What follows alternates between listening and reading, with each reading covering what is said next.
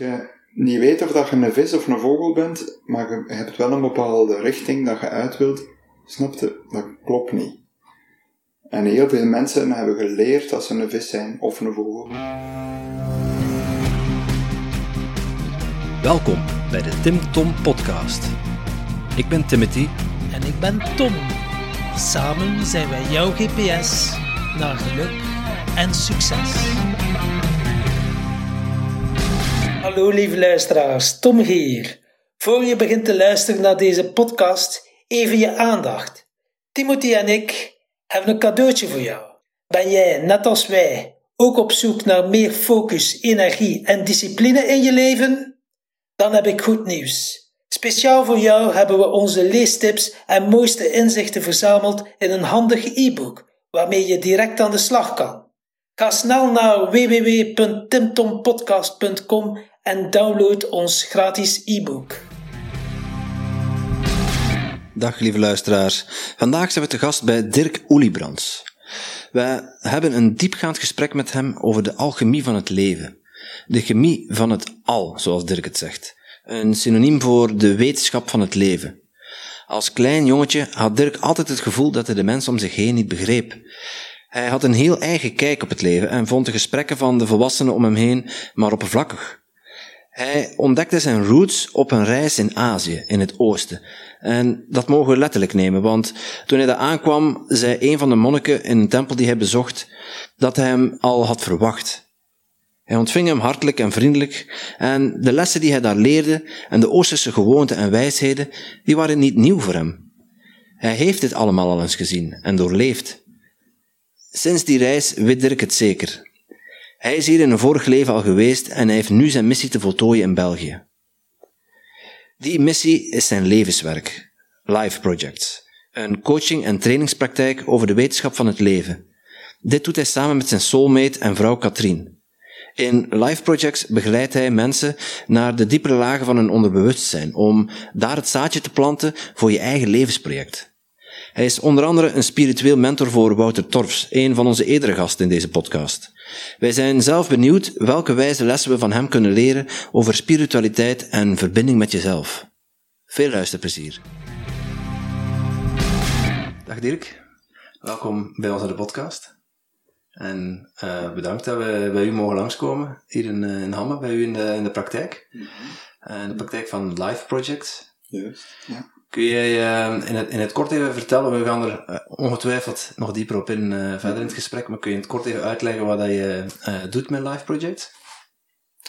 Life Project is een organisatie die mensen helpt om hun natuurlijk potentieel te ontdekken en dat dan neer te zetten of te manifesteren in de vorm van, guess what, een levensproject. Klinkt super. Dat is een, in één adem. Ja, kort maar krachtig. Uh, ik ben heel erg benieuwd wat dat voor ons gaat uh, betekenen, ons uh, levensproject. want Tom en ik hebben ons allebei ingeschreven voor jouw ja. jaaropleiding, jaaropleiding Alchemie van Leven.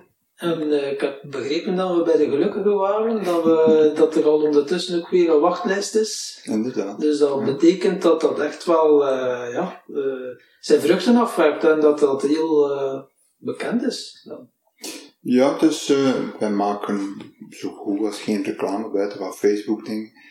Maar wij geloven heel erg van als mensen tevreden zijn, dan kunnen ze er niet anders dan erover vertellen. De, de jaartraining Alchemie van leven heet dat. Dat is niet voor iedereen. Dat is eigenlijk wel voor iedereen, maar je moet er wel aan toe zijn. Dus als je er niet aan toe bent, dus dan werkt dat niet. Want je moet je kunnen openen. Je moet, uh, zoals we iedereen wel weet die al lang genoeg geleefd heeft, zeg ik.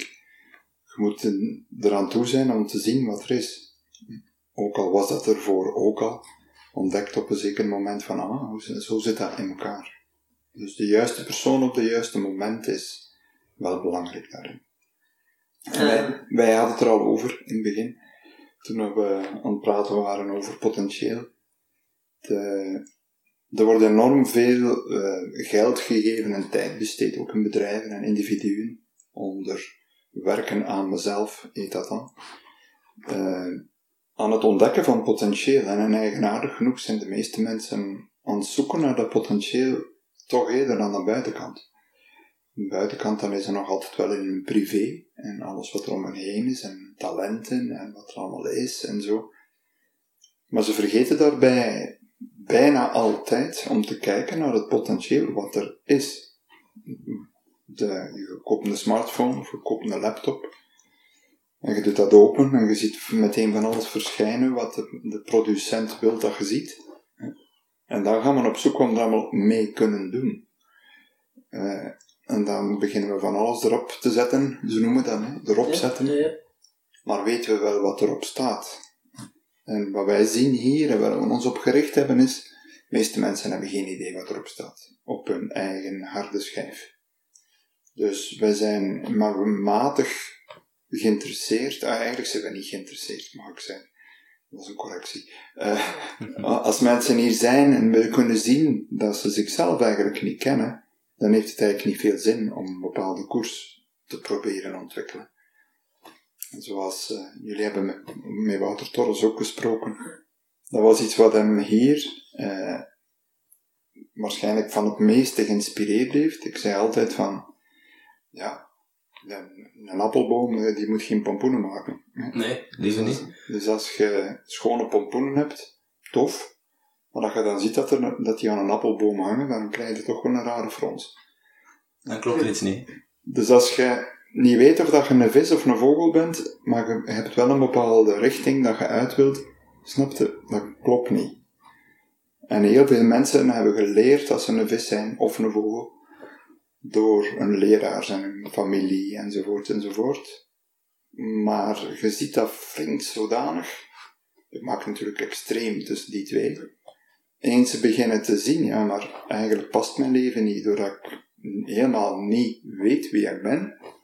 Niet enkel psychologisch, maar ook genetisch, ook op een dieper niveau, op zielsniveau. Eens dat dat op zijn plek valt, dan volgt de koers vanzelf. Want wat denkt u wat die vis gaat doen?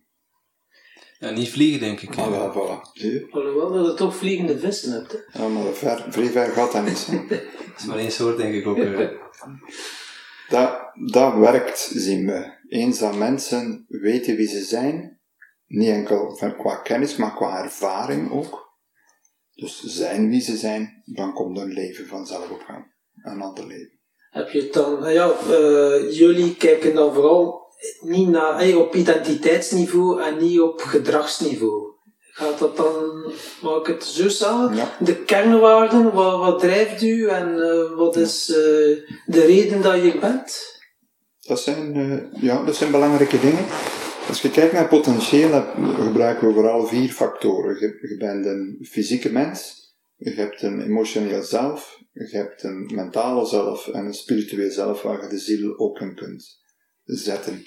En als we kijken naar wie ben ik en werken aan mezelf enzovoort, dan zitten we in veel gevallen heel sterk in dat mentaal-emotionele, in die persoonlijkheid en ego. Maar in het Westen hebben ze het fysieke en dieper spirituele een beetje onder het onbewuste geparkeerd. Dat is onbewust en daar kunnen we niks mee. En ja, we hopen dat er eens iets uitkomt, dan kunnen we dat ook bewust maken wel, traditioneel, zowel in het Westen als in het Oosten, was dat niet zo. Er was niet de maniacale behoefte om het onbewuste bewust te maken, maar meer een, een aanwezigheid in het onbewuste die uw basisgevoel bepaalt. En ook uw contact met uw lijf. En dat je kunt samenbrengen onder instinct. Dat uw lichaam vanzelf dingen gaat doen. We zijn in de gigantische evolutie waar we zijn doorgegaan de laatste honderd jaar, hebben we niet in de oog hoe dun onze basis geworden is. Je ziet dat ook overal. De chronische vermoeidheid en uitval. En mensen trekken het gewoon niet meer. We zijn een soort van grote paraplu-wolk geworden, maar onder die basis van die wolk zit niks. Hè. Het is niet enkel een smalle basis, maar daaronder zit niks. Dus identiteit, dan hebben we nog steeds het, het, eh, het mentaal-emotionele zelf. Maar daaronder zit iets anders wat we niet kunnen benoemen, maar waar we elke avond en elke nacht inzakken. En eens we daar terug rusting kunnen vinden in de Taoïsten noemen dat inderdaad de, uw bronervaring, dan kun je veel beter met je leven omgaan. Dan wordt het spannend, maar ook heb je een goede basis. Is dat dan de universele levenskracht of de chi? Of dat is dan nog... Ehm, universele levenskracht. Wel, chi is, betekent eigenlijk energie. Dus universele levenskracht is een vorm van chi. De spiritualiteit is heel sterk gericht op het universele, kosmische enzovoort enzovoort. Allemaal weer naar boven. Hm? Vroeger was dat anders. De natuurvolkeren hadden een balans tussen hemel en aarde. Eigenlijk, eigenlijk een onbalans tussen hemel en aarde. Want uw connectie met de aarde moest groter zijn dan die met de hemel. In de Fibonacci-spiraal en de heilige geometrie is gebaseerd op de verhouding 1,62. Alles in de natuur, alle spiralen, melkwegen, schelpen, eh, alles, DNA's, is gebaseerd op 1,62. 1 keer hemel, 1,62 aarde. En nu zitten we aan 5,1. Ongeveer, hè? dat is een schatting. Met vijf wijsje naar boven. Vijf aarde en één, en sorry, vijf hemels en vijf hemel, één keer aarde. Dus we hebben een gigantisch onevenwicht. Hm? En zitten we dan met ons hoofd in de wolken? Ja, en verder. ja, we zitten heel ver. En dat wil niet zeggen dat dat verkeerd is. Mensen denken soms als ik dat vertel, oh ja, die is daar tegen, of zo, tegen de evolutie op de planeet. Nee, ik vind het gewoon niet wijs hoe we ermee omgaan. Als je al met een heel grote expansie zit, dan moet je met je gedrag dat compenseren. In, in, Taoïsme wordt er gezegd, als er in je leven, als er heel veel gebeurt, dus alles wordt uh, heel hectisch, dan is het belangrijk dat je innerlijk een staat hebt alsof er niks gebeurt. Als er in je leven helemaal niks gebeurt, dan is het belangrijk dat je binnenin een staat hebt van alertheid.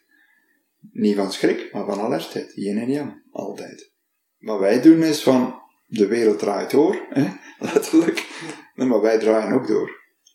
Ja, dan gaat het niet goed, hè? Nee, dan op een gegeven moment worden door, zijn we doorgedraaid, dat is waar. Maar we moeten een basis hebben waar we terug op kunnen vallen en mee aan onszelf te werken, als dat het fysieke zelf en het meer aardse zelf niet mee de inhoud of als basis heeft, dan komen we er niet mee spiritualiteit. Nee.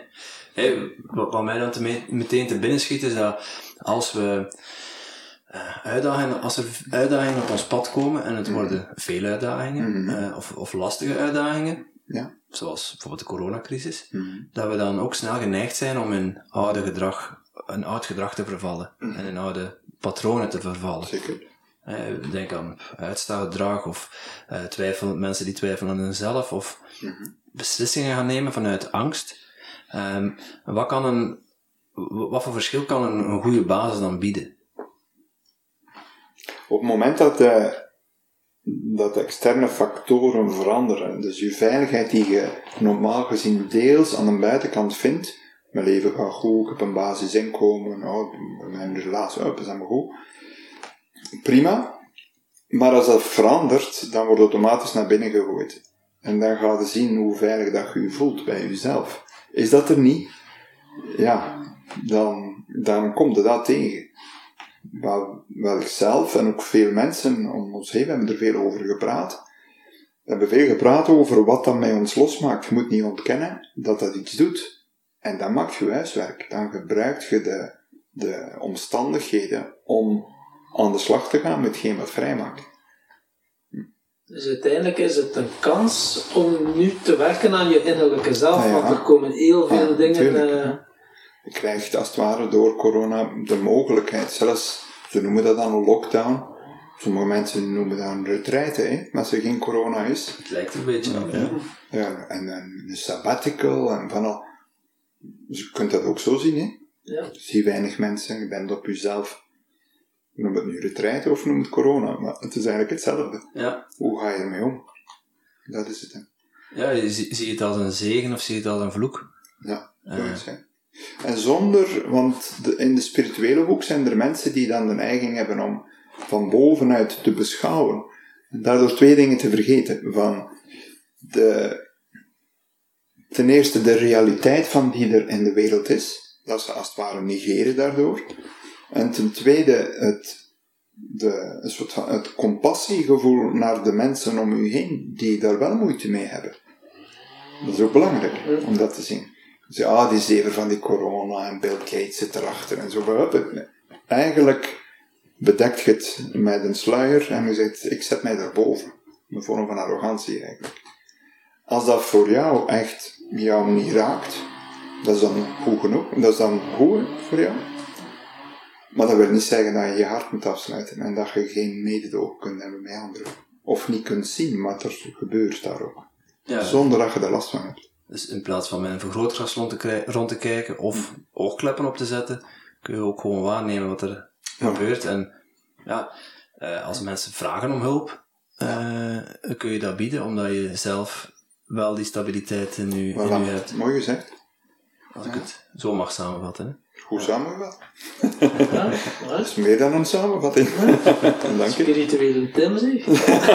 Zo maar in de wereld niet uit. Uh, niet overdrijven, en komt dat niet meer. dan, ben ik, gelicht, hè. Dan, maar ik trek je wel naar beneden. Dus ja, toch wel, toch wel. Ja, 5 in. Ja. Je zult in de ene Het zal toch 5-5 moeten worden, denk ik. En uh, als, als we het hebben over die, over die basis. Um, even zonder, zonder heel het programma van een jaar mhm. hier in, een half uur samen te vatten, mhm. maar um, voor, voor onze luisteraars, om, om er een beeld bij te krijgen, wat, hoe pak je dat aan? Hoe, hoe mhm. zorg je ervoor dat ze terug die, die basis zien en die kunnen opbouwen tot dan ze op kunnen steunen? Maar eerst gaan we kijken naar, dat ook uh, bij particulieren, maar ook als ik in bedrijven werk, vaak gevraagd om te kijken naar wat is het niet potentieel. Soms is dat wel een beetje wennen voor mensen, omdat ze iets anders verwachten. Maar we gaan eerst al zien van, als je jezelf nu tekent, hoe is die balans tussen fysiek, emotioneel, mentaal, spiritueel? Ja, waar leefde jij vooral en wat kent je? En uh, wat ziet jij is dat uh, vooral op het uh, fysieke en spirituele, dat mensen moeite hebben om dat te definiëren. Het is niet omdat je 100 push-ups kunt doen, dat je gewoon je lijf zit. Hè? Het, is, het, is, niet omdat je elke zondag naar de kerk gaat dat je spiritueel bent. Het is, wat is dat dan wel? wel? Het fysieke is dat je een bewust, compleet contact hebt met je lijf. Niet met al de onderdeeltjes, want dat is nog altijd mentaal. Hè? Als ik mijn lever kan zien, ja, dan is dat vanuit mijn hoofd. Hè? Maar kan ik mijn lichaam helemaal voelen als ik erin ga? Ja, bij velen is dat, waar heeft hij het over? Omdat ze zo gewend zijn om van bovenaf te kijken naar hun lijf. Het heeft bij mij heel lang geduurd eer dat ik kon voelen. En ik had dan ook wel alcohol gebruikt eigenlijk om gewoon niet te moeten voelen. Mhm. En dan... Dat is het enige wat je voelt is je leven dan eigenlijk. Ja. En dan een jaar of drie geleden dan toch besloten te stoppen met alcohol. Maar dan ja, vertelde ze ook wel eens van, allee, voel een keer. Maar ja, als, dus juist zal dan een blinden proberen uitleggen wat dat rood is. Mhm. En dan door wel een ayahuasca-ervaring, een ceremonie, dat is de eerste keer in mijn leven dat ik echt kunnen voelen heb, dat ik mij verbonden voelde mhm. met, uh, ja, alles was één. En er mhm. was er zoveel liefde en dankbaarheid dat ik dacht van, wauw, is dat voelen? Maar ja, dan kom je terug in de westerse wereld en zo. En nu zit ik echt wel in die transitie ja, mm. voelen. En ja, het is wel uh, boeiend. En ja, jij bent nu ook. Het is ook geen toeval dat je nu op ons pad, en eh, je op mijn pad bent gekomen om dat, uh, ja, dat pad verder te bewandelen. Ja. Ayahuasca breng je in je buitenlichaam. Dus dan heb je een compleet andere ervaring van voelen. En dat kan voor veel mensen katapulteert hun uit hun oude zelf, hun mentale, emotionele zelf. de andere is ook hun zelf, maar dat wisten ze nog niet. De, als ik het heb over het lichaam, dan is dat een andere weg. Omdat dat meer naar het donkere gaat. Ayahuasca brengt wel dingen uit het donkere naar boven, maar ik denk dat je ook vooral heel veel ruimte ervaren hebt. Ja. ja. Dat is wat de meeste mensen zeggen.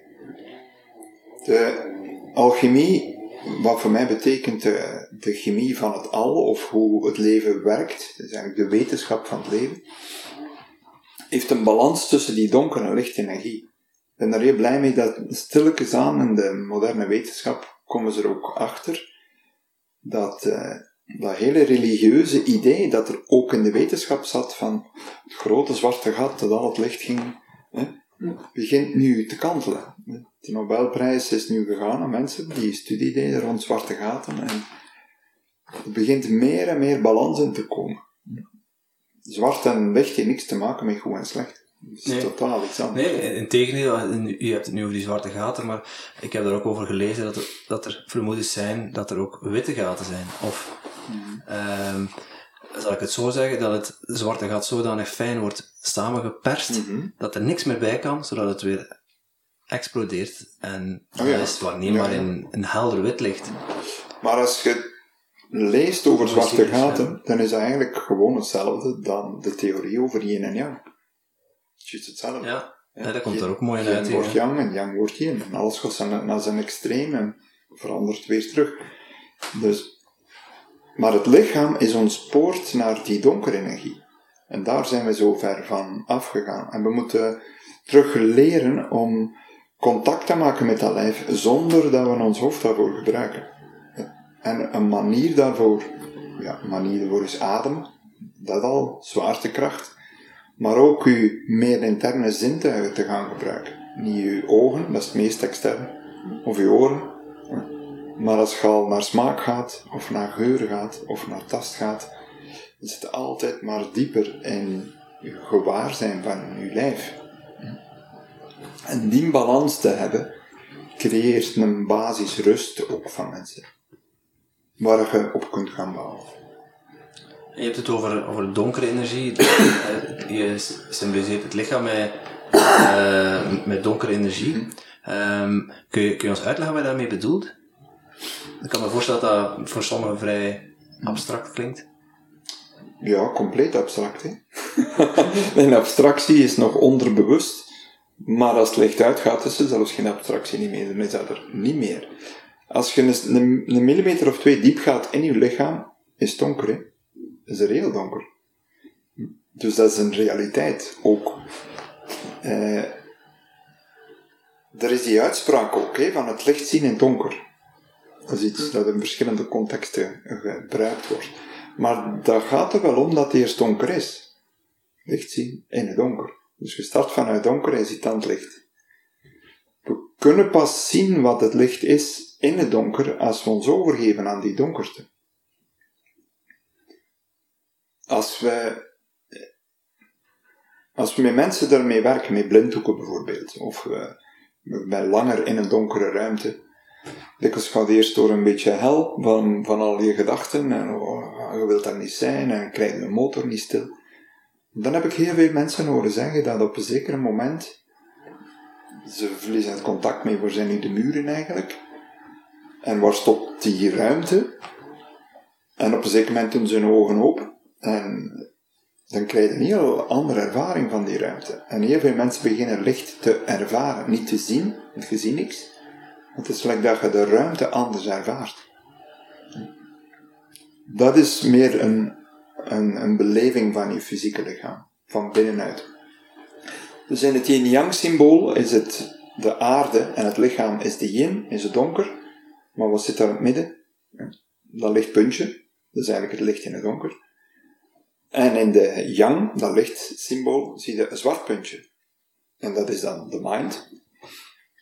Maar de sleutel tot de mind is, wat denkt u? Tegenovergestelde weer? Ja, uw lichaam.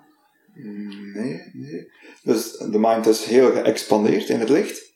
Dus stilte is de basis om echt toegang te krijgen tot de mind. Stilte. Stilte. Stilte. Dan denk ik spontaan stilte, bijvoorbeeld bij Vipassana's, dan ga je Ja. daar toegang tot krijgen. Ja. Bijvoorbeeld. Of, of nu. Bij een vipassana is dat heel lang.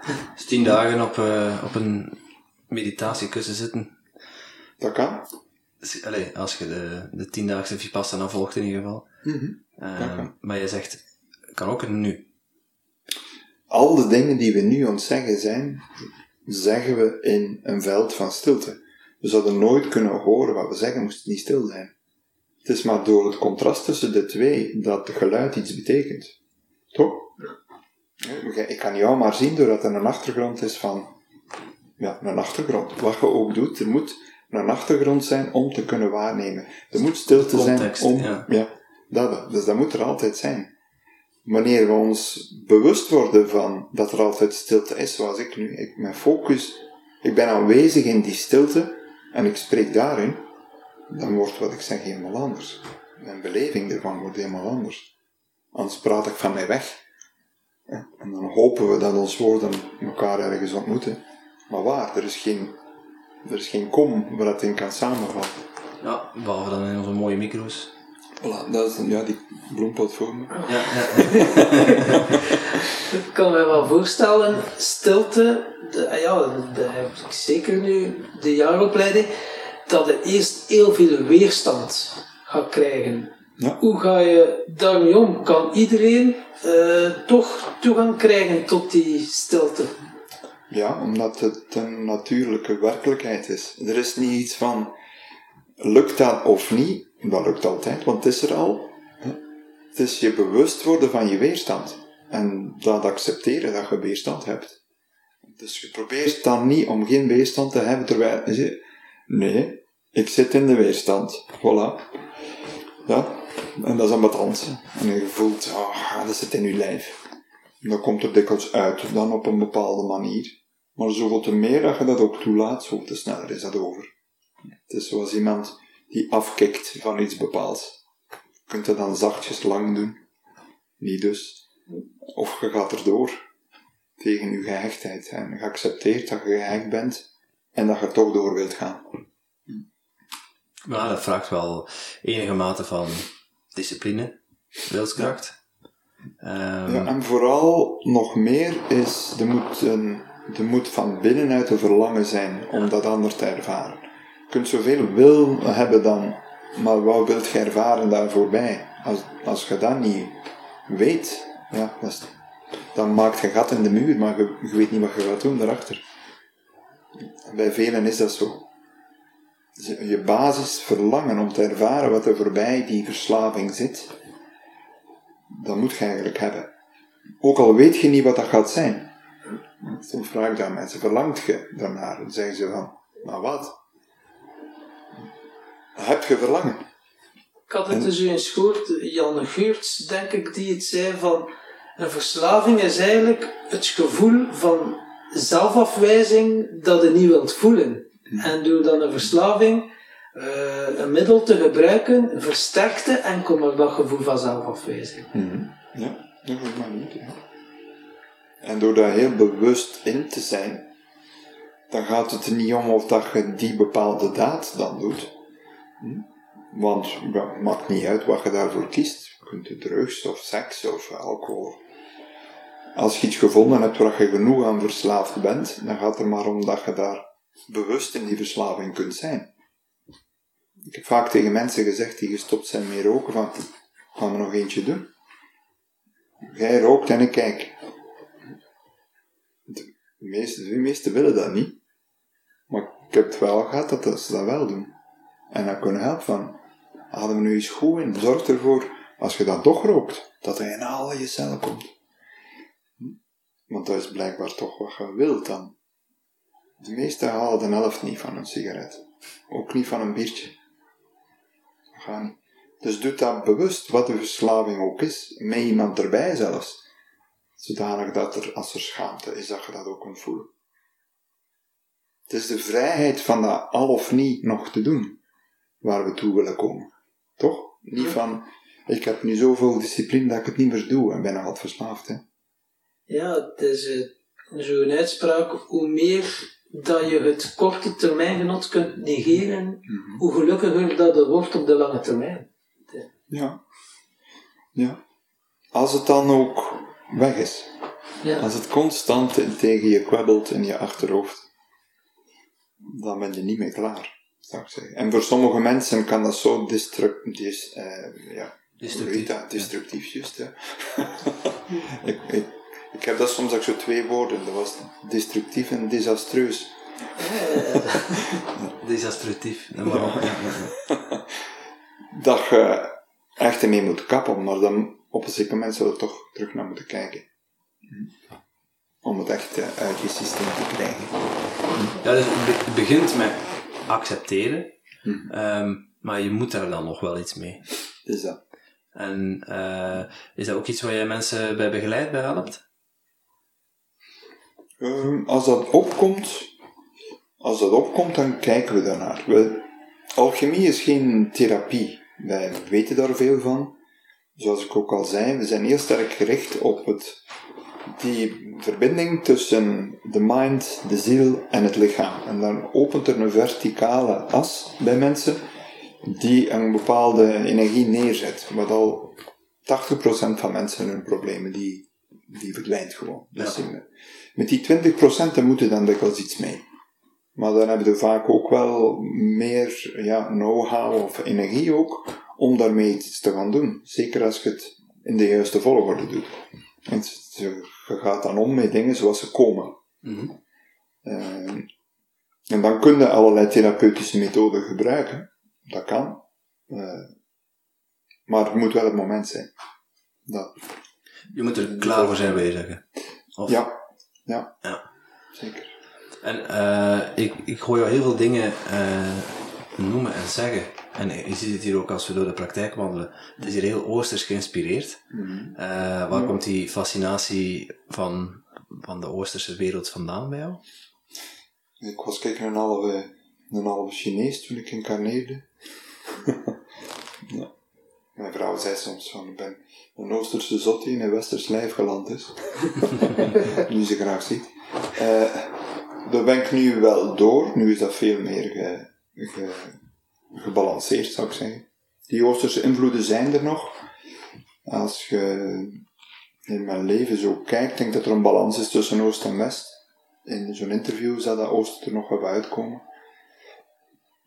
Maar eh, ja, ik ben mij heel veel herinnering van, de, van het Oosten geïncarneerd. Ik wist heel veel dingen nog. Hm, Of al, moet kiezen. En wanneer begon het hier voor jou in dit leven dan? Was dat eh, door een boek of door een inzicht? Of hoe ben jij zo gefascineerd geraakt van de alchemie? Dat is gegaan van eh, eerst te beseffen dat ik hier niet echt in paste. Ik vond dat heel raar hoe mensen allemaal deden. Hoe oud was je dan? Dat- ik kan me dat herinneren vanaf ik een jaar of zes was. Ja, dat ik zo had van, wat doen die allemaal zo? Ik vond dat raar. Ik voelde mij er ook echt wel wat onveilig in. Ik denk dat ik misschien een lichtjes autistisch was dan zo. Maar meestal zweeg, zweeg ik dan. Ik liet dat dan maar wat gebeuren. Ik dacht het ook mijne van. En, dus, en de kern daarvan was, eigenlijk wat ik nu nog altijd doe, mensen zijn zo, elk kind voelt, hè, zeker een kleinkind, voelt wie het er voor u staat, en zeggen dat. Dus eh, ze zijn links en ze zeggen rechts. Ik vond dat heel raar. Eh, ik begreep dat niet. Dus ik had zoiets van, ja, moet ik daar niet naar luisteren? Ik zag dat bij mijn, mijn vader, ik zag dat bij mijn leraars, bij mijn... Dus ik begreep dat niet goed wat dat in elkaar zat. En ik ben door... Dat knakt, hè. Dat is oké. ik ben door eh, veel bezig te houden met natuur. Met de natuur te zijn, met vogels te kijken, met planten, met gewoon veel in de natuur te zijn. En dan via Oosterse krijgskunsten. Daar heb ik zo aan mijn draai gevonden. Krijgskunsten. Ja. De Jiu-Jitsu, Aikido. En nu nog Tai Chi, Qigong. Dus dat waren zo twee manieren waar ik voelde dat ik eh, gewoon echt kon zijn.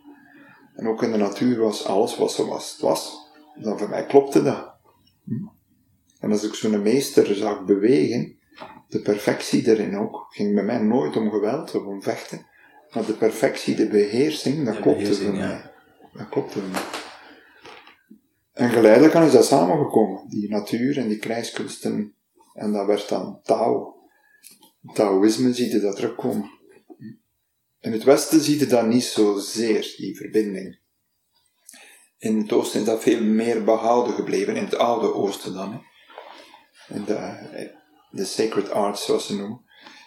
In het Westen moeten we veel dieper gaan graven om in de Egyptische leer of de Griekse leer, die ook diezelfde diepte had. Maar daar heb ik veel meer werk voor moeten doen om dat terug te vinden voor mezelf. Ja, omdat het al te ja, verder geciviliseerd was. Of... Ja. En dat is ook echt, echt met de grond gelijk gemaakt. Al de kennis die daar rond zat is verbrand of begraven. Of... Oosterlingen zijn daar veel hardnekkiger in. Je kon, je kon die wel uitroeien, maar die gingen toch verder. Dus ook communisme, ze, ze vertrappelen als het ware boeddhisme en taoïsme enzovoort. Tenminste, dat denken ze. Uh, dat komt niet meer echt naar buiten, maar ondergronds leeft dat gewoon verder. Kan je ons een keer het verschil uitleggen uh, tussen Taoïsme en Boeddhisme? Uh, ik weet nog niet wat dat zo geschikt is voor deze podcast. Okay, maar, uh, ja. ja, ik zou dat kunnen doen. Vroeg het me af, ja, heel kort. Ze zitten bij elkaar. Okay. Taoïsme en Boeddhisme zitten in veel, op veel vlakken dicht bij elkaar. In mijn beleving Taoïsme is heel sterk gericht op het ontwikkelen van je buikcentrum als basis. Uh, Boeddhisme is heel sterk gericht op het ontwikkelen van compassie en van je hartcenter. Ze, laat ons zeggen dat uh, er is een grote overlap, maar ze, ze starten vanuit een andere visie. Tao vanuit de natuur, boeddhisme meer vanuit de eenheid vanuit alle wezen, van alle wezens. Je komt geleidelijk aan daartoe. Als je de twee paden loopt, komt op hetzelfde punt uit. Sowieso. Ja. Dat is verhaalvullend. Maar de Tao interesseerde mij omdat het zo dicht bij de natuur was. En als je, je zegt van, ik heb, uh, ik heb ondertussen de balans tussen Oost en West mm -hmm. gevonden. Uh, mm -hmm.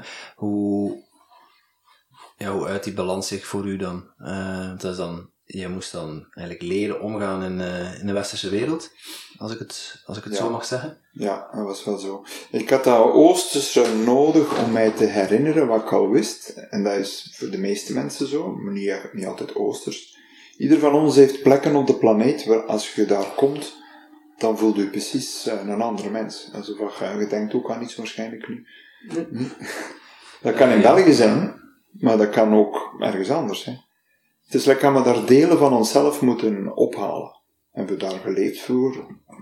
Ja, who cares? Maar in ieder geval doet dat iets. Maar dan moeten we wel terugkomen naar de plek waar we kiezen om te leven.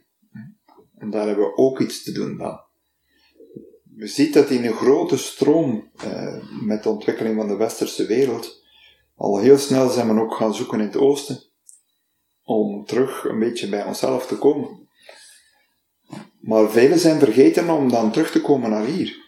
Dan krijg je een grote spagaat. Je leeft lekker een, ik zou zeggen, een Taoïst, maar je woont in Brussel en je probeert die twee met elkaar in balans te houden. Uh, ik inspireer mensen, en we proberen te inspireren met van, die Tao, dat moet een deel worden van u, zodanig dat je er niet meer aan denkt. Dat je de Tao hier leeft. Denk niet aan Chinezen en niet aan Lao Tzu en drie, 3000 jaar terug. Gewoon in het hier en nu. Dat je natuurlijk bent. En dan kom, komen die twee samen. En dan krijgen we vaak ook meer toegang tot de, de spiritualiteit van de plek waar we leven. Want dat kan nooit verloren gaan. Iedereen van ons kan spiritualiteit ontdekken waar we zijn.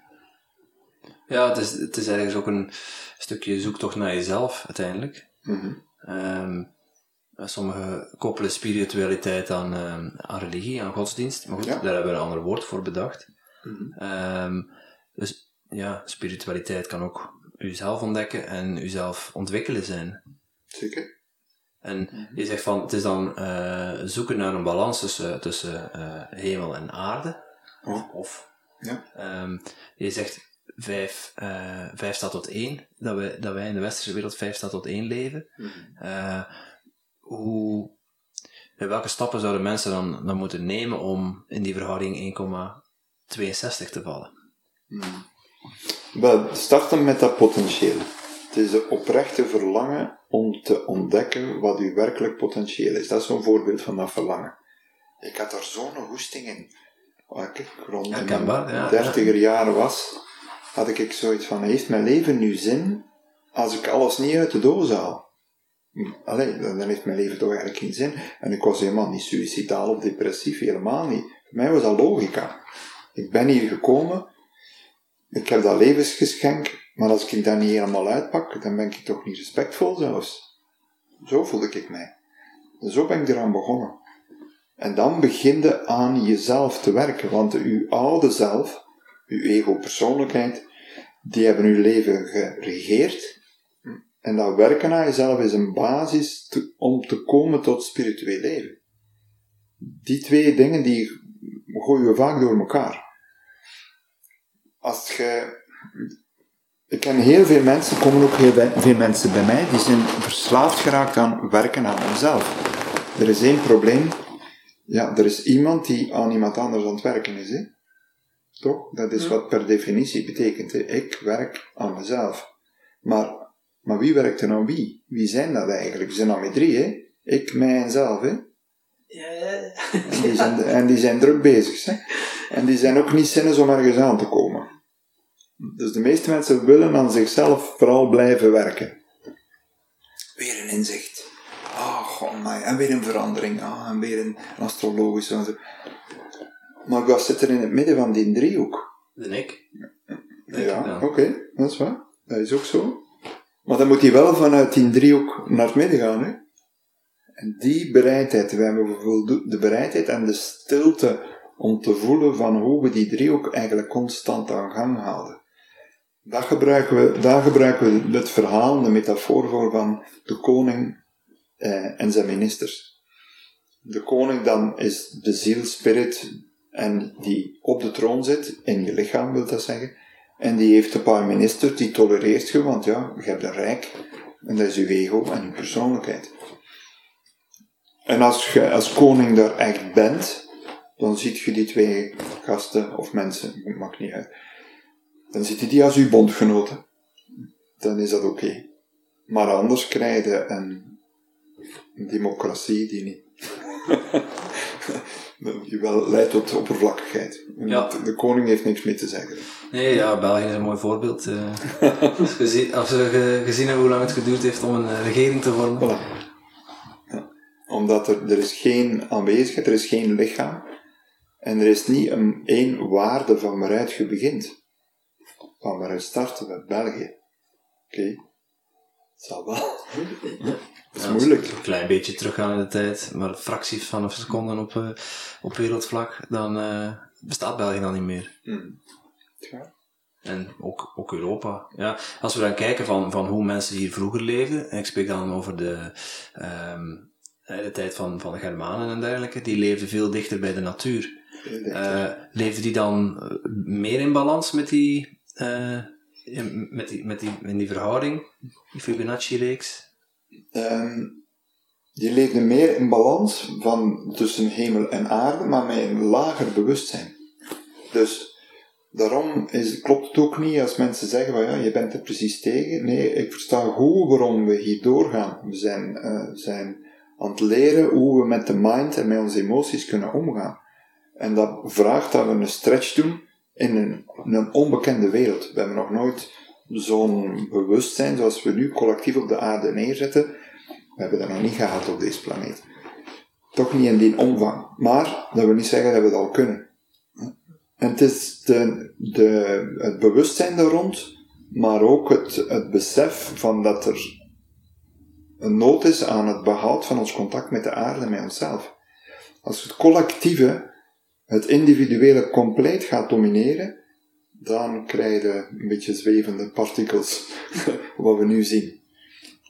Dus het is die groei, een boom wordt altijd maar groter, dan moet er aandacht zijn voor de wortel ook.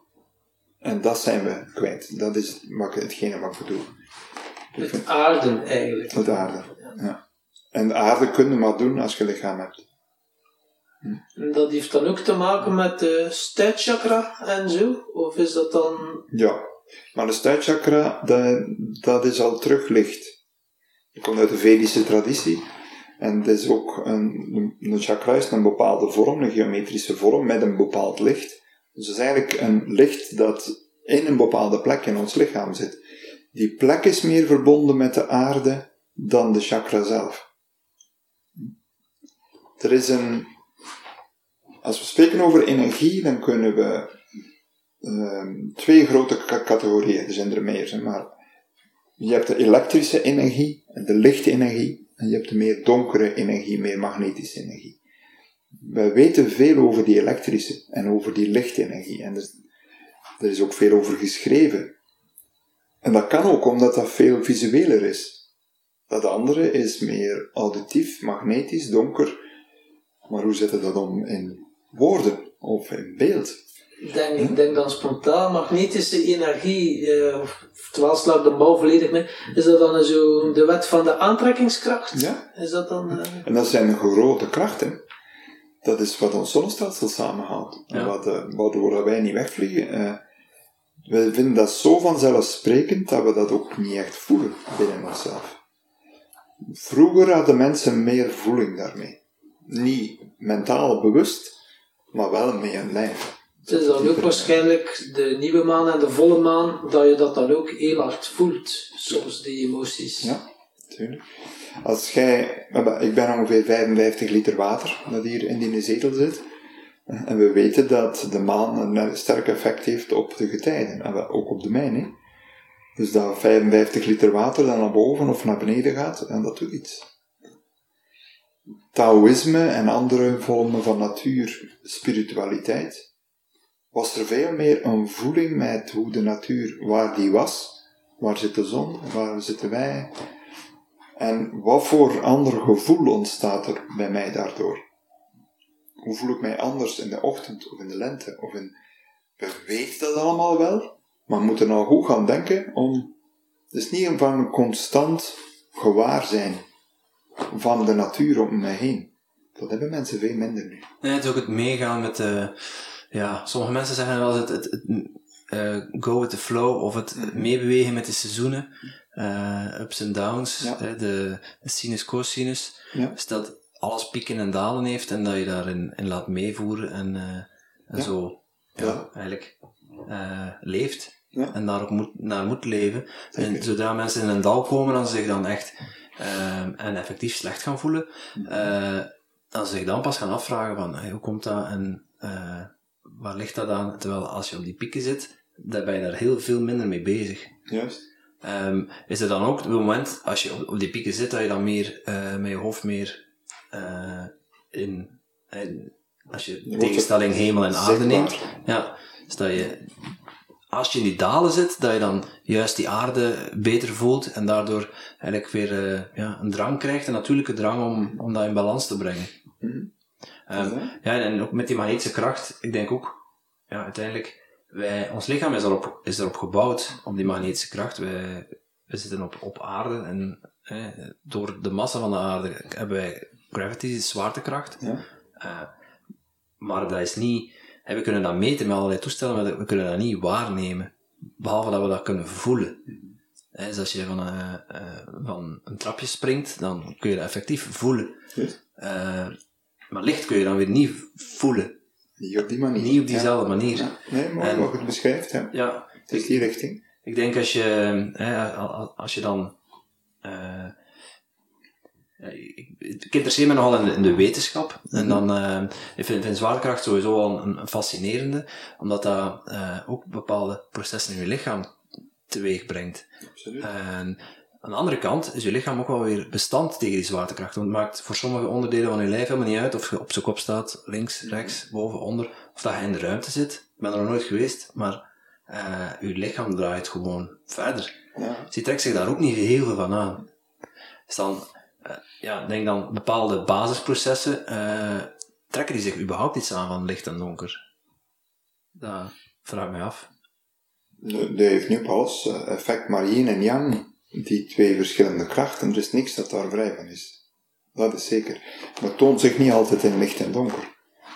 Je kunt hetzelfde proces van yin en yang op veel verschillende niveaus eh, bekijken. Gewoon nog maar hoe we kijken naar ruimte. Overal kunnen we die, dat contrast tussen die twee terugzien. En Wat wij ervaren als lege ruimte, eh, is vaak niet ruimte, is maar is licht. We zeggen, ik kijk in de ruimte, nee, ik kijk naar de wolken. Of ik kijk naar het licht van de zon. Dat is niet de ruimte. Gewoon ruimte ervaren we als donker, anders zit er iets in. Toch? Ja. Ja. Dat alleen al is voor mensen van, oh, dat is Ja. heel raar. Met verstand niet te verklaren, uiteindelijk. eh. En dan is dat ruimte, dat is dan zogezegd leegte. Maar kwantumfysica is er al achter dat die leegte ongelooflijk vol is. Ja. Dus klopt ook weer al niet. Maar de, de alchemisten waren heel erg geïnteresseerd om de realiteit van wat de kosmos is binnen zichzelf te gaan bestuderen. Dus eerst door te kijken naar al die lagen, wat vind ik eigenlijk als ik in die kern kom? En in innerlijke alchemie, dat is zo wat de kern van ons programma, eh, voor mensen die echt klaar zijn om echt diep naar binnen te gaan, dan ga je zien naar die plek van oorsprong. Van waar kom ik vandaan? Niet als een, een vraag in je hoofd, maar als een plek. De herinnering waar je ziel en dat zaadje en dat eicelke waar die samen zijn. De small bang noem ik dat ook wel eens. Dat is, zo'n een explosie van licht. Die plek die is er nog altijd. Maar we moeten stil genoeg zijn eer we dat terug beginnen zien hoe dat nog nasmult de hele tijd. En om die lichtshow eh, te versterken, heb je maar een vonk nodig. Dus, dus door je adem daar mee te verbinden, zie je dat eh, de, de Big Bang eigenlijk nu gebeurt. Niet ergens lang geleden. Dat gebeurt eigenlijk op elk moment. Als we die plek van oorsprong terug gaan vinden, terug kunnen vinden in ons lichaam, niet ons fysieke lijf, maar ergens daar diep van binnen, dan valt alles veel meer op zijn plek. Dat zie ik bij heel veel mensen gebeuren. Ook een eigen aanwezigheid. En dan kun je van daaruit gaan kijken naar wat heeft de wetenschap ontdekt. Ik heb me veel bezig gehouden de afgelopen jaren met oude geschriften. Het is toch nog altijd de voorkeur voor die oude Taoïstische geschriften. Uh, dat zal wel door vroeger komen. Maar dat is hetzelfde. Het is gewoon hetzelfde dan wat er nu ontdekt wordt in kwantumfysica. Ze zeggen gewoon hetzelfde. En dat is ook weer niet Oost en West dan misschien, maar traditioneel en modern. Dat, dat is dan de yin en yang.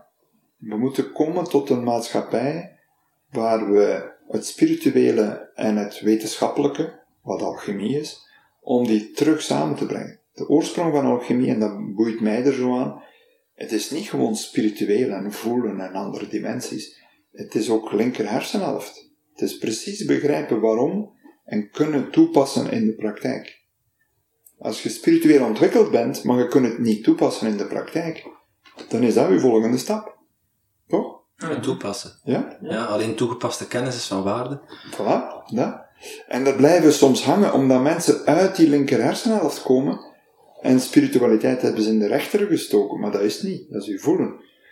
En het samenbrengen, dat wordt echt een, een, een, een wetenschap. De eenheid, ja. Vanuit de eenheid, ja. En dan heb je wel, oké, yin-yang, maar dan heb je ook nog zoiets als vrouwelijke en mannelijke energie. Eh, hoe zie je dat? Dat is dan nog een ander facet. Het is eigenlijk hetzelfde, yin-yang, maar op menselijk niveau. Dus als je de kosmos yin en yang hebt, en je hebt ook hemel en aarde, we kunnen hier niet binnenkomen blijkbaar als mens, maar ook de meeste levende wezens eh, in een lichaam, zonder dat we links of rechts zijn, een streepje of een bolletje zijn. Dat wil zeggen, ofwel zijn we een man met een vrouwelijke energie diep verstopt bij van binnen, of wij zijn een vrouw met een mannelijke energie verstopt van binnen. En gaan we op zoek naar dat andere om onszelf volledig te kunnen maken als mens. Dat is een heel belangrijk aspect. Dus wij promoten dat ook heel sterk om dat eh, een deel te maken van uw, van uw spiritualiteit. Wij noemen dat alchemie van liefde. Ja, want je hebt eh, de alchemie van leven, eh, maar daar hangen verschillende ja, pijlers omheen. Ja. Hè, eh, man en vrouw, eh, relaties, liefde, noemde je net al. Eh, welke pijlers zijn er zo, zo nog waar jullie op richten? Eh, alchemie van vitaliteit en beweging, dus rond het thema gezondheid. Midden is het innerlijke alchemie, is gewoon op jezelf. En dan heb je nog twee pijlers naar buiten toe, naar het horizontale. En dat is van hoe je het in de wereld gaat neerzetten. Eén meer je vrije tijd, vrienden enzovoort. En het ander meer jouw bijdrage als werk. Dat is een andere kant. Uw eh, legacy. Of, of hoe moet ik het noemen? Eh, ja, ja, zo kun je dat zien. Maar startende gewoon vanuit het werk dat je nu doet. Dat is basis om dat te gaan doen. hè. En voeding, dat is tegenwoordig ook wel in. Wat eet je om gezond te zijn? Is, heb je daar ook, want ik weet, die alchemie dan werkte ook met de vijf elementen en zo. Hè? Aarde, Ja. vuur, eh, metaal, lucht, water. Eh, we gebruiken wel oost en west. Dus eh, in het westen is het lucht, aarde, eh, water en vuur, maar ook wel ether. Dus dat hebben er eigenlijk ook vijf. En in het oosten is het eh, aarde, eh, water, vuur, hout en metaal.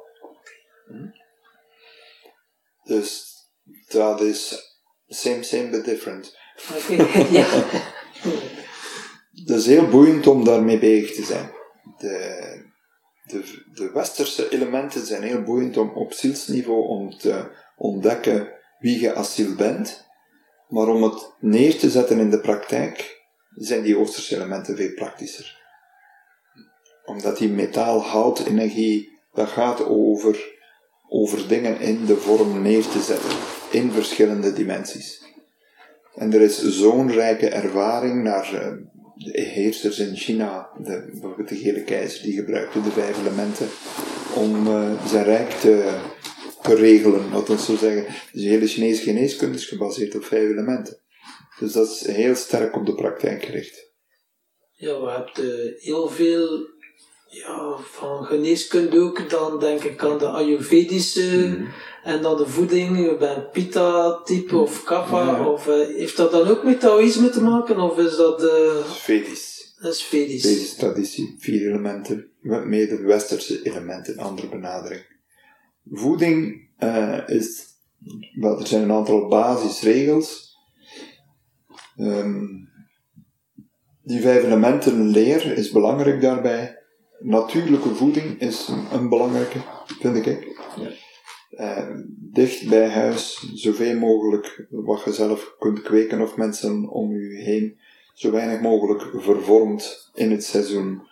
Eh, weinig, weinig dierlijk, dat zijn allemaal belangrijke dingen. En dan moeten mensen voor zichzelf gaan onderzoeken wat, hoe dat werkt voor hun. Het is allemaal wel tof hè, dat mensen zeggen van, ik kom van 50 generaties van vleeseters en nu zeg ik, ja, dat gaat niet, ik ben vegetarisch. Ik geloof dat uw hoofd en uw ziel dat ermee eens zijn, maar dikwijls hebben uw cellen en uw darmen daar iets moeilijker mee. Dus je kunt vanuit een, een, een ethische overweging op een bepaalde manier gaan eten. En daar kun je zeker rekening mee houden. Mijn dochter is, eh, mijn jongste is vegetarisch geboren. Die, die zei zelfs als klein kind, als ze een klein stukje kip kreeg, zei ze van, ik eet geen bizons. Dus wij keken zo naar elkaar, ik eet geen bizons. Moeten we nu nog mee lachen. Maar, eh, dus zij proeft soms eens een stukje, maar dat is dan een halve vierkante centimeter zo. Voor de rest. Dus dat zit zo diep in haar, en als zij dat wel eet, dan wordt zij ja, eigenlijk wel ziek. Dus dat past niet voor haar. Dus het is uiteindelijk de tip dat je meegeeft, het is zelf onderzoeken. Ja, je wil zelf onderzoeken. En, maar startende vanuit dicht bij de natuur, dicht bij jezelf, in die omgeving. En zien hoe dat, dat werkt voor jou. Je kunt van alle verschillende methoden eh, gaan, gaan uittesten. Ik vind als je dat niet gedaan hebt, dan zit er vaak een bepaald geloof in van hoe dat je moet eten, maar dat zit er nog altijd in je hoofd. Hè? Het is je lijf dat moet verteren. Een vooroordeel dat je, Ja. dat je altijd maar calorieën moet tellen. Eh, Zoiets, ja. ja, alsof, alsof eh, iedere 100 calorieën, maakt niet uit waar het in zit, een, eenzelfde effect heeft voor je lichaam. Dat is daarom. Nee. Kijk, en, en als, je, als je heel veel bereid voed- voedsel eet, dan, dan kun je eigenlijk ook niet meer achterhalen wat er allemaal in zit. Hmm. En ervaar je ook niet wat dat met je lichaam doet. Ja. Ik, ik heb zelf, eh, ik ben rugpatiënt, dus ik heb eh, nog altijd af en toe, maar ik sukkel heel erg met mijn rug, vooral staartbeen heel laag. Hmm. En ja, dat begint, dat signaleert uitstralingspijn in je been. nou, een dokter, kinesist, Mhm. dan, gaat er, dan gaat er al zo'n een eerste, een eerste besef gaat er komen. Mhm. En dan, ga je, dan word je eigenlijk heel bewust van... dus ik, ik kwam bij een kinesist die osteopaat in opleiding was en inmiddels afgestudeerd is. En die zei, ja, misschien, eh, mis- misschien moet je zo wat minder brood eten. Dat heeft wel een, eh, een effect op je darmen. En eh, ja, dat zit dan ook zo'n soort ja, dieptemassage of- of weefselmassage hoort er ook bij. En ik merkte dat, hij zegt van ja, ik werk vooral op je lever, op je darmen en op ja, die, Mhm. die organen die met bepaalde zenuwbanen in, in contact staan. Dat als je daar bewust van wordt en ben dan ook mijn voedingspatroon gaan aanpassen en af en toe iets eruit halen. Mhm. En ik merk dat ik niet zo heel goed ga op lactose, op eh, tarwe, eh, vlees, alcohol, gist. Dat heeft, ik, ik voel dat echt enorm. Terwijl er voorheen nou, had, ja, had ik bijna niet anders. Eh, maar dat je dan toch merkt van, ja, mijn lichaam functioneert wel, maar het is niet optimaal. En ik heb last van mijn darm, last van mijn rug. Eh, maar door, voordat, je, ja, voordat je tot dat punt komt, moet je wel heel wat zelfonderzoek gedaan hebben. En je lijf eh, ja. geeft je dat aan. Ja, en je voelt dat effectief, dat manifesteert zich dan bij mij in uitstallingspijn in mijn been. Zeker. Ja.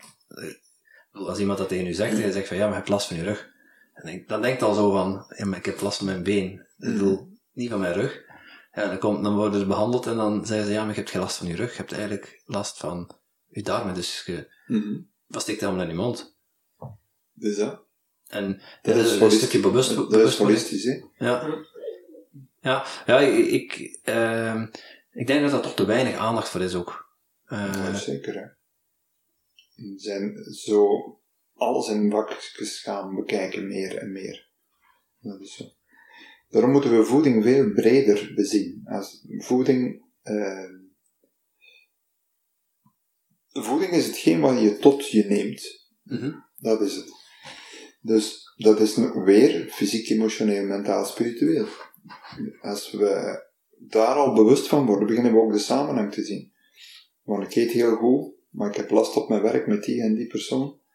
Misschien ben ik daar gevoelig voor, maar mijn fysieke voeding niet. Hè? Of misschien verteert mijn eten niet, doordat ik last heb met die persoon op mijn werk. Ah, ja. Die dingen zitten allemaal samen, kunnen onmogelijk van elkaar losmaken. En wat helpt is dat we onze gehechtheid aan fysieke voeding daarmee starten, dat we die gehechtheid gaan verminderen. Als we nu eens gewoon veel minder eten. We zullen altijd overslaan, of een dag of twee niet eten. Gewoon. En kijken wat dat mentaal emotioneel je doet. Er zijn doorheen de tijd, en nu op dit moment, er zijn duizenden mensen die niet eten. Gewoon niet eten. Wij zijn nu ook niet aan het eten, Ja, nee, ik ook niet. Maar eigenlijk wel, ze. Eigenlijk ben er wel aan het eten. aan het verteren. aan het consumeren. Door op te nemen. Ja, hè. ja, ja. Er zijn heel veel mensen die, niet, die geen voedsel nodig hebben. Er is laatst eh, nog eh, een Indische man die, die vrij bekend was, die denk ik op zijn dertiende gestopt is met eten en tot zijn 76 geleefd heeft, geloof ik. Die man is lang in de, die hebben ze een paar keer onderzocht, maar ze wisten niet wat ze mee moesten doen, hebben ze hem maar naar huis gestuurd. Dus die heeft, de, heeft een godin hem bezocht toen hij klein was, en eh, die heeft hem gezegend, en vanaf dan had hij geen eten meer nodig. Allee. Ik heb zelf ook mensen ontmoet die al heel lang niet meer aten. Soms uit, ja, soort van gezelligheid. Ja. En Of wat de kinderen daarop stonden of zo. Straf. Ik zie dat we het uur naderen en we hebben nog enkele vragen voor jou, Ah, ja. Wat de rode draad van dat was onze een breed podcast. onderwerp. Dit was de introductie. Ja, ja. Eh, ja, de rode draad van onze podcast is geluk en succes. En we hadden graag van jou geweten, wat is jouw definitie van geluk en wat is jouw definitie van succes? Ik heb er niet over nagedacht, maar ik weet, je kunt die twee niet uit elkaar halen, vind ik zelf. De, dus ik heb al met heel veel mensen gewerkt die in België aan de top staan qua succes. En van die mensen heb ik er een paar ontmoet die succesvol zijn. Maar die geen, die van, wat, wat mij betreft succesvol zijn. Dat wil niet zeggen alleen aan de buitenkant. En op het moment dat je echt eh, succesvol bent, dan ben je ook gelukkig. Want dat succes komt vanuit dat geluk. En dan is het binnen en buiten en ook weer die verschillende lagen, die, er is een eenheid staat. De, je hebt eh, jezelf leren kennen, je bent helemaal hier, je bent aanwezig en jouw veld heeft zich tot een bepaalde ja, eh, grootte getoond, dat wil zeggen in jouw levensproject. En dan noemen mensen dat soms succesvol. En er is maar één die bepaalt of dat succesvol is. En dan ben je zelf. Ik ken heel veel mensen die iets gebouwd hebben in hun leven dat veel te groot is. En daardoor niet succesvol zijn, maar zeker ook niet gelukkig. Naar hun eigen maatstaf. Nee, er is zodanig veel een druk en ze zijn zodanig naast zichzelf gaan staan dat ja, ze weten dat. Het is een soort van slaaf geworden van het succes aan de buitenkant. Als je dat bedoelt. Ja, ja. Ja. Maar ik ken ook andere mensen die nooit gegaan zijn voor hetgeen wat ze te doen hebben en ook niet gelukkig zijn. En dan duidelijk niet succesvol zijn. Hè? Dat. Dus eh, ja, meer is dat niet voor mij. Oké. Het is juist groot genoeg is succesvol voor mij. Juist groot genoeg, ja. Juist groot genoeg. Dus als ik het mag samenvatten, eh, succes, of, eh, zeg je, ehm, eh, geluk is voor mij één zijn. En succes is dat één zijn beseffen, bereiken, ervaren, voelen.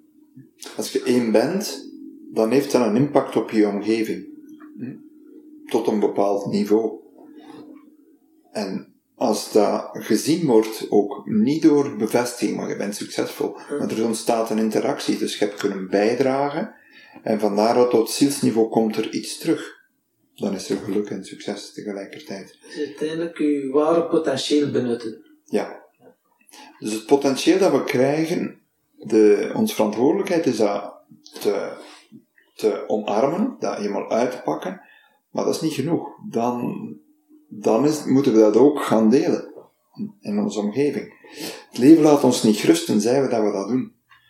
Dus we moeten bijdragen met hetgeen wat we in overvloed gekregen hebben. Dat doen we. Mijn Wouter zegt dan van ja, verkoop ik eigenlijk liefde, maar je moet het in iets steken, dus wij doen dat in de vorm van schoenen. Hè? Zoiets, hè? Ja, wij steken onze passie in een podcast. Ah, wel, voilà. Dus de vorm, kiest een goede vorm, maar zo belangrijk is dat niet. Maar de waarden eronder, dat is wel heel belangrijk. En dat heeft een bepaalde rijkwijde en creëert iets terug, waardoor dat je daarna kunt zeggen, wow, voilà, dat is goed. En dan te kunnen Kijk naar dat loslaten. moment, eh, moet ik zeggen. Ja. Ja. Dan te kunnen loslaten, zeg je. Ja, nog wat vroeg zijn.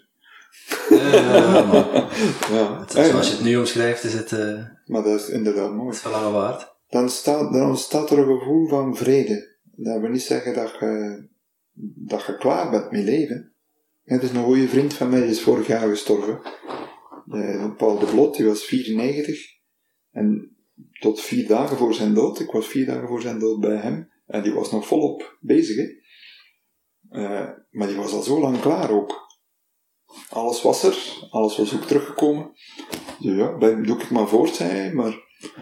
eh, die leefden in een soort van, in het moment, eh, maar zo tussen hemel en aarde. Ja, ik heb er ook een podcast van Paul de Blot, ja, nu dat je dat zegt, in een Nederlandse podcast. Ja, dat was wel een heel inspirerend, man, dat is juist. En we hadden nog, normaal gezien starten we altijd met een vraag van de vorige gast. Nu zullen we eindigen met die vraag van de vorige gast. En omdat het dan toch omgekeerd is, mogen ze jij nu een keer stellen. Dat is eigenlijk Tom zijn manier om te zeggen, ik ben het vergeten. Hè? het gelukt, Tom. Hoe jij het? Wel, eh, onze, onze vorige gast die vroeg zich af van eh, op het punt waar je nu staat in je leven met, alles wat je doet, hoe weet je dat je op de juiste, op de juiste pad bent? De juiste weg bewandelt. Door hoe dat ik mij voel. De, mijn huiswerk is voor mij elke dag check ik. Ik start mijn dag ook eh, s morgens en s'avonds kijk ik nog een keer van hoe zit ik in mijn lijf, mijn fysieke aanwezigheid, mijn emotionele lichaam, mijn hart, mijn mind. is er een lijn daartussen. Als dat niet is, dan weet ik dat er iets niet klopt in mijn leven. En dan ga ik daar naar kijken. Als ik dat niet kan corrigeren, dan weet, en dan ga ik zien, van, ah ja, oké, daar heb ik dat gedaan, of ik, ik zit meer dat in mijn hoofd. En voor. Dus ik, dat is mijn dagelijks huiswerk. Reflectie. Ja. Maar reflectie gekoppeld aan introspectie. Ja, ja een mooie toevoeging wel, ja. Ja, dat je het ook echt op het fysieke en energetische brengt. Wij, wij geven even een nadruk naar mensen in de training om die overfocus op het mentaal begrijpen van dingen, om dat los te laten. Als je kunt zien van, uh, gisteren nog, met, met een groep van leiders, als je nu een tekening maakt van je lijf, van wat je voelt, tekent wat je voelt en wat je niet voelt, dan laat open. Dan ontstaan er heel rare vormen. Sommige zijn alleen een kop, sommige alleen een voorkant, sommige... Maar wel, daar, dat is allemaal potentieel, hè, waar je niks mee doet. Hè. Dus op het moment dat je dat compleet maakt, door er aandacht aan te geven, dan noemen we dat je tempel schoonmaken. En dan ga je gewoon voelen in je lijf. Corrigeerde ook je mind. En dan komt er van alles ook naar voren dat je bij ziet van, ah ja, dat zit daar. Daarom, zeg, daarom kan ik dat niet meer voelen, want ik heb dat erin gestoken. I put some issues in my tissues. en als dat veel is, dan voel je dan een tijd bijna niks meer. Hè? Ja, of het begint zich juist in je rug gaat dat ja, te wreken op andere plekken waar je het niet, uh, niet verwacht. Ja, of, of, of een, hè, waar we het gesprek mee begonnen zijn, met uh, depressieve gevoelens, met burn-out, bore-out. Uw, uw lichaam, ik, heb al heel veel mensen, duizenden mensen meegemaakt die mij iets proberen wijsmaken. Niet mijn slechte bedoeling. Maar ik heb nog nooit een lijf gezien dat mij iets wijsmaakt. Mijn lichaam weet niet wat dat moet doen. Dat reageert gewoon op de indrukken die we erin stoppen. Dus ook, we vinden dat soms heel lastig om te accepteren eh, wat uw lijf dan zegt. Ik heb sinds mijn jeugd last van mijn vertering, een wervel in mijn rug die, die eigenlijk mij nu al in een rolstoel had moeten uh, plaatsen enzovoort. Als ik er helemaal mee zou meegaan en niet echt luisteren naar mijn lichaam, ja, dan was dat allemaal al waar. Dan was ik al lang dood. Maar dit is geen beperking, dit is een uitnodiging. En als we dat op die manier gaan bezien, dan wordt het leven helemaal anders. Ja. Dan hebben we een soort van, ik heb een bewustzijn, maar ik heb ook een, een donkere bondgenoot, zo noem ik dat dikwijls, dat is aan uw pijn, die u bij de les houdt van wat echt belangrijk is. En het is die fusie, dan komen we toch weer bij dat licht donker. Dat is levenskunst voor mij. En wat kan jou zo onze luisteraars meegeven? Eh, behalve dan jouw jaaropleiding volgen natuurlijk, maar wat kunnen mensen nu doen dagelijks om dichter bij zichzelf te komen?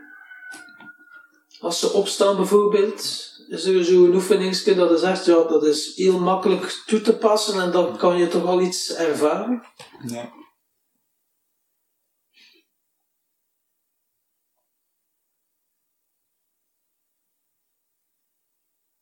Dat was er één. nee. Uh, stil te staan, gewoon waar je bent, staan, zitten, wat dan ook. En los te laten met alles waar je mee bezig bent. Dat gaat van je billen opspannen, je nek opspannen. Dus fysiek. Allerlei emoties, allerlei gedachten, allerlei verwachtingen. Dus gewoon in het hier en nu te komen. En alle moeite die je erbij stopt, en waar je eigenlijk geen vat mee hebt op de realiteit, om die even los te laten. Niet doordat je er iets aan doet, maar te zien hoeveel moeite dat je doet voor niks. Dat is de zinloosheid van je inspanning. Waardoor je weer terug kan, ah, oké. Je komt dan in een plek waar het leven gewoon simpel en cool is. Dat soort tijdens de dag regelmatig te doen. Staat bij de, bij de kassa in de winkel met, met een nieuwe tandenborstel en gaat die vast, dat je een zak cement vast hebt. Omdat je gehaast bent en in plaats van nu heb je een tijd, nu heb je een beetje tijd waar je eigenlijk gelukkig staan de zeven mensen voor u. Dus die shift telkens te maken. Wat is de realiteit van dit moment? En daar, oké. En dan krijg je efficiëntie. Omdat je een balans krijgt ook. En een, re een reële eh, een aaneenschakeling van momenten dat je impact hebt, maar ook rustperiodes ertussen. Uh, mooi. Zeker. Um, tot, uh, tot slot, Dirk, uh, aan jou de eer om een, een, vraag te stellen aan onze volgende gast. Um.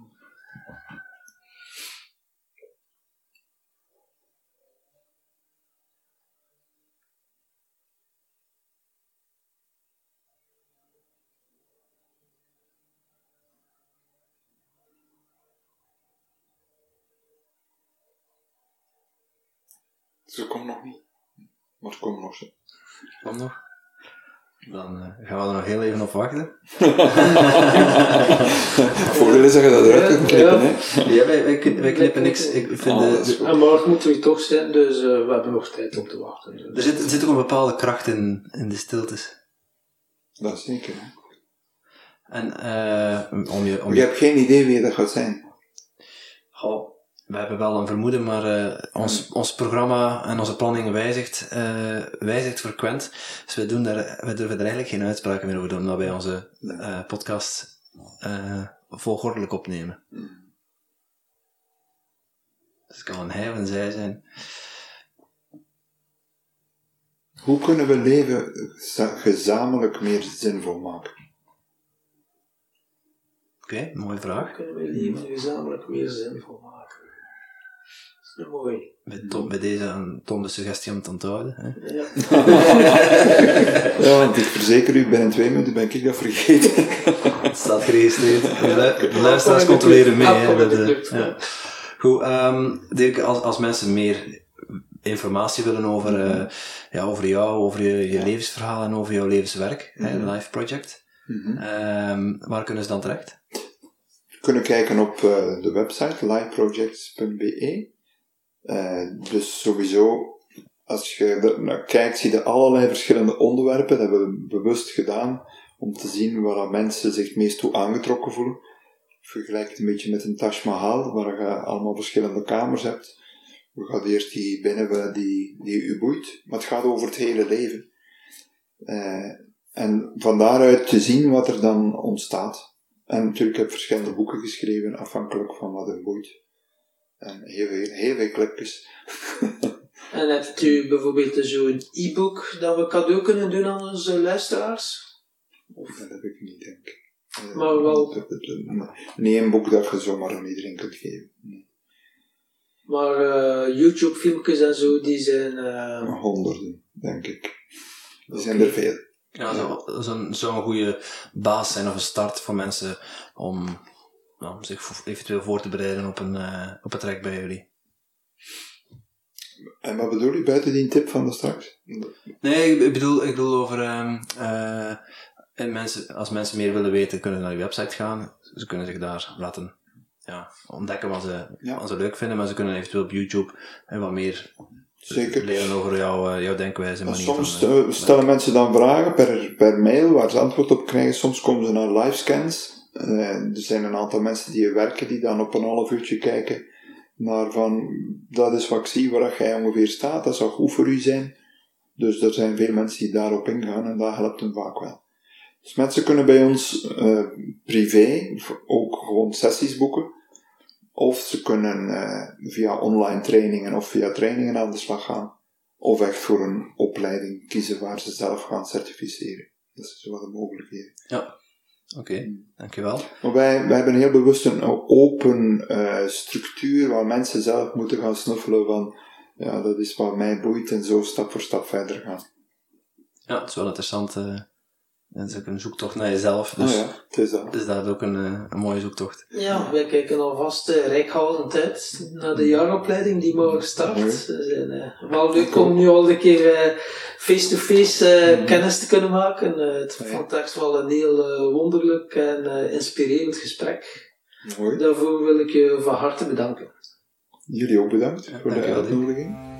Vond het gezellig. Morgen komen.